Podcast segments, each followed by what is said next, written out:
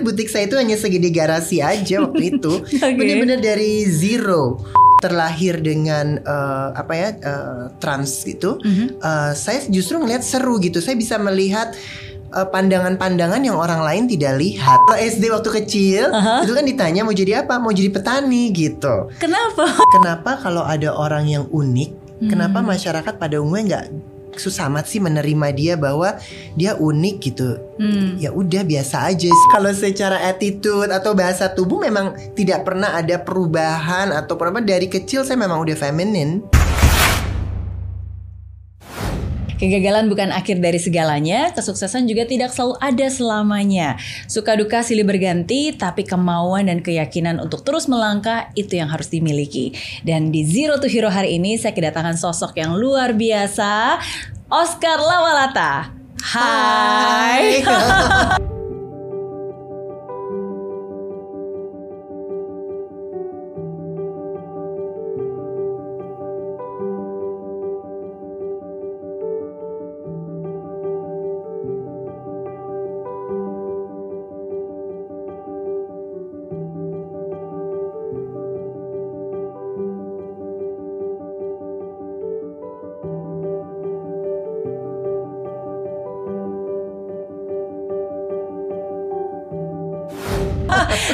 satu perancang desainer terbaik Indonesia.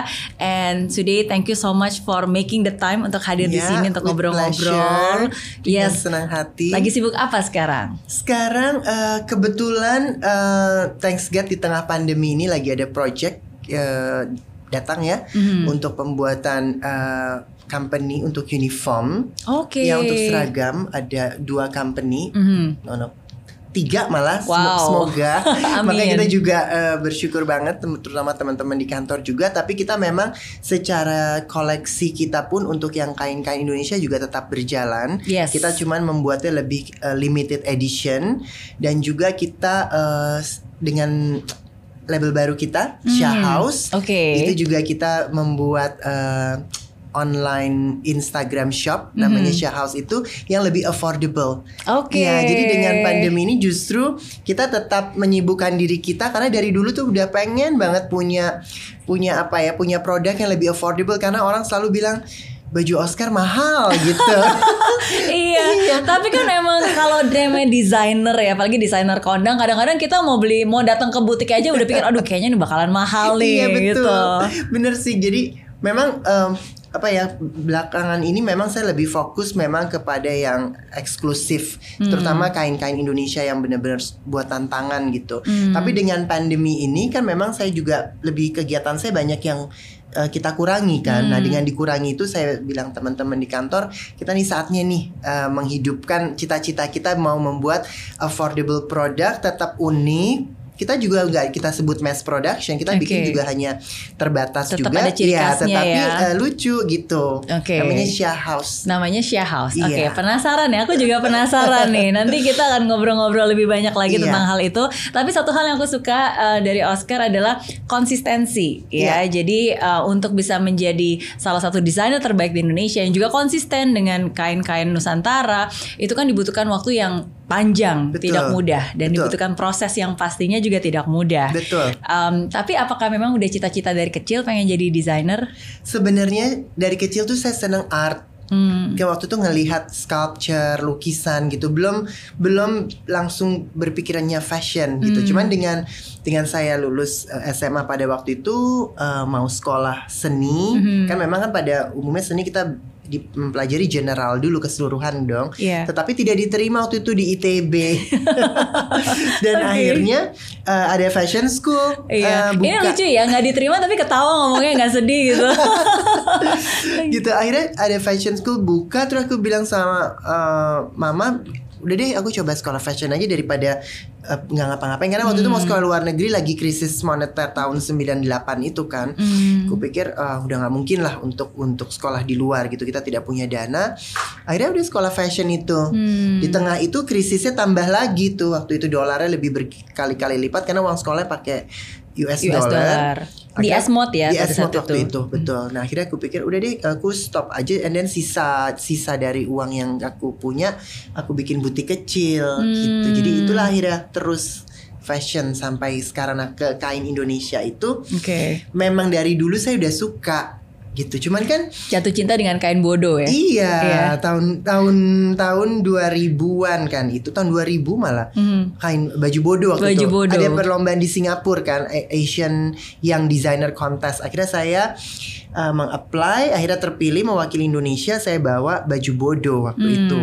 Gitu. Nah, terus tuh dari situ kerja saya mau tahu batik apa, tenun ikat apa dan sebagainya karena saya bilang wow Indonesia nih kayak sekali nih ya kainnya. Cuma waktu itu harus ingat ya belum ada internet. Betul.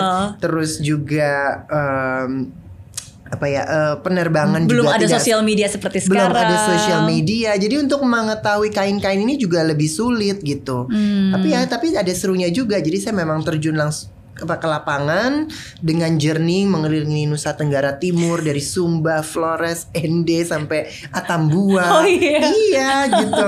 Dari situ saya bisa tahu wow Indonesia luas banget dan Nusa Tenggara Timur tuh sangat berkesan buat Iya, saya ya karena ada kehidupannya berbeda sekali dan gitu etniknya masih etniknya, sangat terasa. alamnya gitu dan dan orang-orangnya juga ya dari situ saya bilang bahwa wow Indonesia nih memang harus digali nih kekayaan budayanya ya Hmm, gitu. Oke, dan itu semua terjadi em, ketika ke Singapura dan dapat penghargaan waktu itu juara dua di apa Betul. yang yang International Asian Asian Yes. Award gitu Yes. ya. Eh, itu pun juga usia masih 20-an kan? Iya betul. Masa menurut saya 20 Masih gitu. 20-an. Iya betul. Iya, dan itu pun juga awalnya bermodalkan eh, dua mesin jahit, Iya. satu yang motong Iya. sama satu yang jahit. Bener, butik saya itu hanya segede garasi aja waktu itu. Oke. Bener-bener dari zero. Betul-betul. Iya, iya. Tapi apa membuat uh, Oscar bisa berhasil menurut Oscar? What makes you become successful and even a winner at that time? Eh, sebenarnya adalah saya ngelihat eh, originalitas desain ya gitu.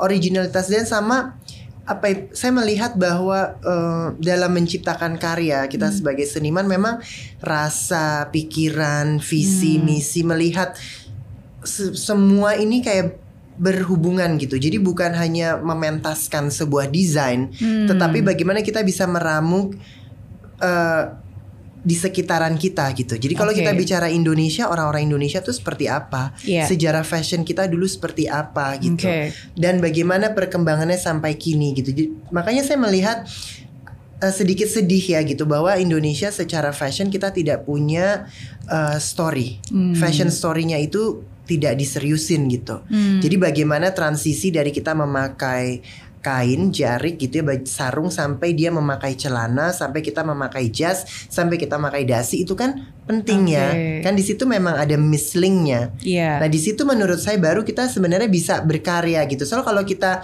langsung mengikut yang sekarang lagi tren apa, semua juga seperti itu. Hmm. Manufacture manufacture brand-brand besar juga seperti itu. Nah kita yang desainer kecil mungil ini kalau dihadapkan dengan seperti itu kan sedikit sulit juga ya Susah ya, untuk jadi perang bersaing. harga, Bener ya jadi kan? perang harga. Jadi mass production. jadi mass production positioning designer lama-lama bisa tidak jelas lagi gitu. Hmm. Jadi kuncinya eh, yaitu tadi mungkin it's not only about design tapi bisa kita melihat eh, sekitar kita gitu. Iya. Dan contribute kita tuh mau di di di titik yang mana gitu. Oke, karena setiap uh, setiap karya yang dibuat itu pasti ada ceritanya, ada maknanya. Betul. Gitu ya. So it's Betul. not just about creation ya, tapi ya ya memang how to Iya. tell the story Iya, using uh, ini using produknya kita, using karyanya Iya kita. benar karena kita yang penting kan juga eh, kalau orang mau mengappreciate eh, kita as a designer, not Mhm. as a product gitu, kan kita harus ada behind story-nya, Hmm. pemikiran kitanya seperti apa, proses baju ini dibuat seperti apa gitu. Hmm. Itu itu as a designernya ya, tapi akhirnya dia berkembang menjadi ready to wear, lebih easy to wear gitu, itu lain lagi. Tapi setidaknya menciptakan trust ke Iya. people itu perlu sebagai desainer. Oke, oke, dan itu yang sebenarnya bikin mahal. Because there's originality Iya, ya, dan prosesnya dan prosesnya. Oke, tapi saya dengar-dengar waktu kecil pernah cita-cita pengen jadi petani. Oh betul itu Masa? kalau SD waktu kecil Aha. itu kan ditanya mau jadi apa mau jadi petani gitu. Kenapa jadi Nggak tahu tapi kayaknya tenang, enak gitu, alam dingin gitu kan, relax. Oke. Sampai sekarang pun juga saya sempat kepikiran gini, aduh kalau misalnya diulang lagi nih bisa memilih apa profesi, masih ter terbersit untuk jadi petani itu. Oh iya. Karena saya ngelihat Indian kan kita perlu makan ya paling penting kan gitu Iya. di antara semua rantai eh, kehidupan ini kan makanan nomor satu dan sekarang juga orang udah lebih aware about apa yang mereka makan gitu organik dan sebagainya. Jadi masih nyambung kan Hmm. Masih petani nyambung. itu iya penting petani. Back to nature Back to berarti nature. ya. Ya sometimes kadang-kadang yang simple itu yang sekarang uh, di diapresiasi ya. Betul. Benar nggak sih? Maksudnya Benar. ketika kita teknologi, modernisasi, ya tapi sometimes kadang-kadang hal yang Iya. sangat simple, sederhana Betul. itu yang apa Iya. ya memiliki kebahagiaan dan makna tersendiri. Benar. Itu yang saya selalu bilang memang kita eh, di dunia fashion ataupun dunia lain zaman ini kan eh, menjadi sebuah tren. Nah, orang tuh sering mengikuti tren. Hmm. Kalau saya tuh bukannya bilang anti tren, tapi kalau saya tuh tetap melihat kenapa trennya begini gitu. Jadi ada ada pertanyaan-pertanyaan selalu, research, observe dulu. Jadi tidak langsung kita nyebur aja, gitu, tapi kita harus tahu dulu nih, ini kolam apa ini gitu kan. Kalaupun kita mau nyebur juga mau gaya apa nih Iya, iya, berenangnya iya. gitu. Betul betul ya. Always curious dan selalu mempertanyakan. Itu Iya. jadi salah satu ciri khas dari Oscar Lawalata juga nih kayaknya. Hmm, Ya betul, betul banget. Betul ya. Kalau tadi Oscar bilang bahwa even uh, produk itu karya itu ada ceritanya, Hmm, apalagi manusia. We Ya. all have a story to tell. Yes, you have your own definitely. unique story to tell. Iya. Ya kan. Dan um, kadang manusia itu uh, kita apa ya? Kita pengen kita kadang-kadang nggak nggak bisa mendengarkan cerita secara utuh. Betul. Uh, lebih parah lagi kadang-kadang manusia suka mengcreate versi sendirinya versi cerita orang lain dengan versi dirinya sendiri dengan apa pengetahuan yang sangat terbatas yang dia ketahui tentang orang itu padahal dia nggak tahu apa-apa Jadi sebenarnya. halu ya. Oke, now since you are here, Mhm. tell me about your life story. Oke. Mhm. Em, mulai dari mana ya? Mungkin em, ya mungkin dengan eh, kita bikin eh, YouTube Delawalatas itu, mungkin kan itu orang sudah sudah sebagian orang lah yang menonton Delawalatas itu mungkin bisa dikatakan sudah tahu lah bagaimana proses transisi saya dari pria menjadi wanita gitu. Iya, itu jadi for the first time um, kamu ah, Oscar apa ya me- Publish. me- mempublish Iya. bahwa you are a transgender. Yes, Oke. betul. Nah, memang eh, semua orang yang kenal saya ataupun yang mengikuti saya, memang udah terlihat kan saya berbeda Hmm. gitu. Jadi memang kalau ditanya eh, proses journey saya sebagai person, memang itu juga eh, seru ya kalau saya ngelihatnya karena kalau ditanya dari kesedihan, sedihnya itu lebih kepada kenapa kalau ada orang yang unik, kenapa Hmm. masyarakat pada umumnya nggak susah amat sih menerima dia bahwa dia unik gitu. Hmm. Ya udah biasa aja sesuatu yang unik itu seharusnya biasa aja gitu. Iya. Tetapi kita sebagai orang yang unik, kita tuh kayak merasa kayak kayak di apa ya bukan didiskriminasi ya ya bisa dikatakan begitu secara eh, tidak langsung Hmm. Iya. gitu orang kan kayak ngelihat sesuatu yang aneh kan orang udah agak agak gitu dikit Iya, agak nutup sih eh, agak gitu ya. nutup ataupun gitulah ada Iya. ada reaksi-reaksi seperti itu gitu Mm-hmm. Itu yang membuat saya sedih sebenarnya tapi kalau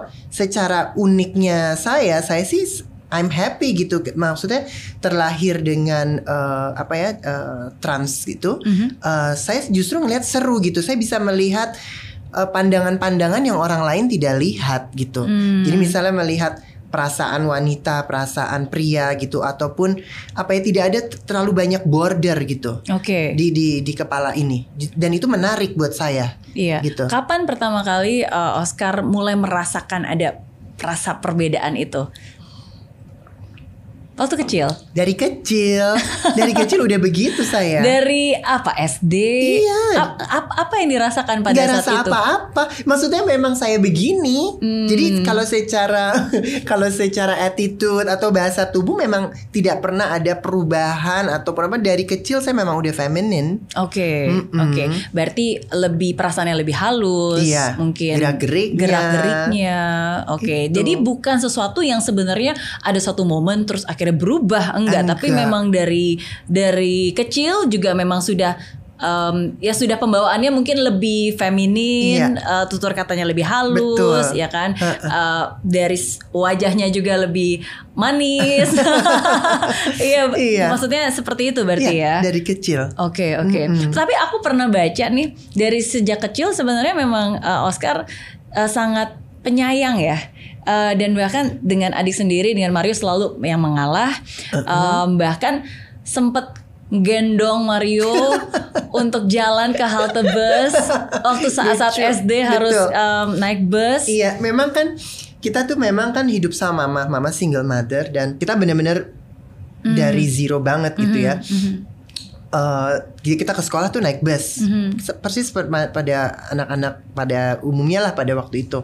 Nah, memang waktu saya sama Mario itu memang kita cuma berdua, jadi ya kita main layangan, main petak umpet, terus juga dan Iyo itu memang agak berbeda sama saya gitu. Saya orangnya yang disiplin gitu. Misalnya sekolah bangun jam segini karena harus mengejar busnya apa apa apa. Nah, Iyo tuh suka males, gitu suka ngantuk, tidur tidur dulu. Uh-huh. Nah, kan kita dari rumah ke halte busnya itu kita harus jalan kaki setengah jaman. Wow. Iya. Jauh juga. Jauh jalan kaki. Nah, Iya. di situlah dia suka berhenti sebentar, berem dulu gitu. Ayo toh nanti ke busnya gitu. Akhirnya kita bikin perjanjian, oke kita main gendong-gendongan aja ya. Oh Sampai iya. ke- iya, gitu.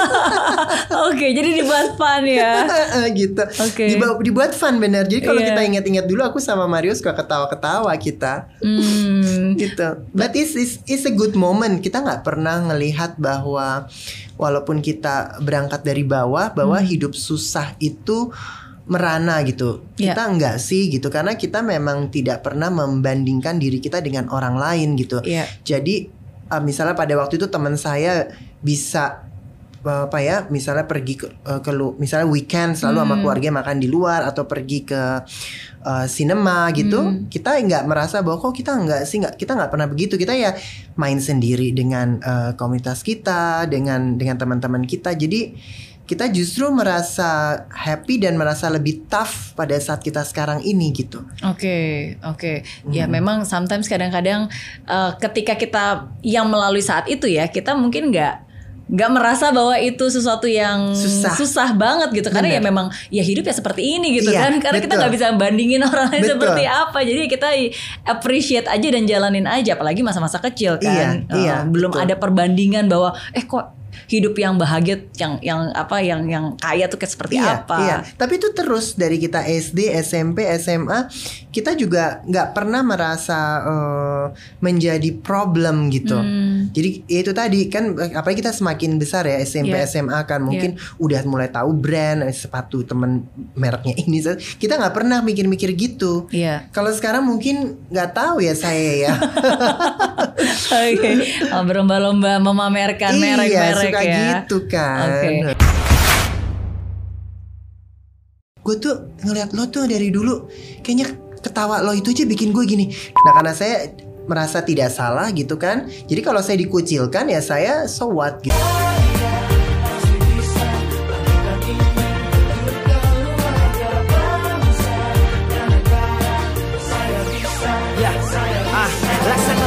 Tanpa hujan, hidup tanpa tujuan, kering dan mati tanpa hijaunya tumbuhan. Ah, demikian kalau mimpi tak kunjung terjadi.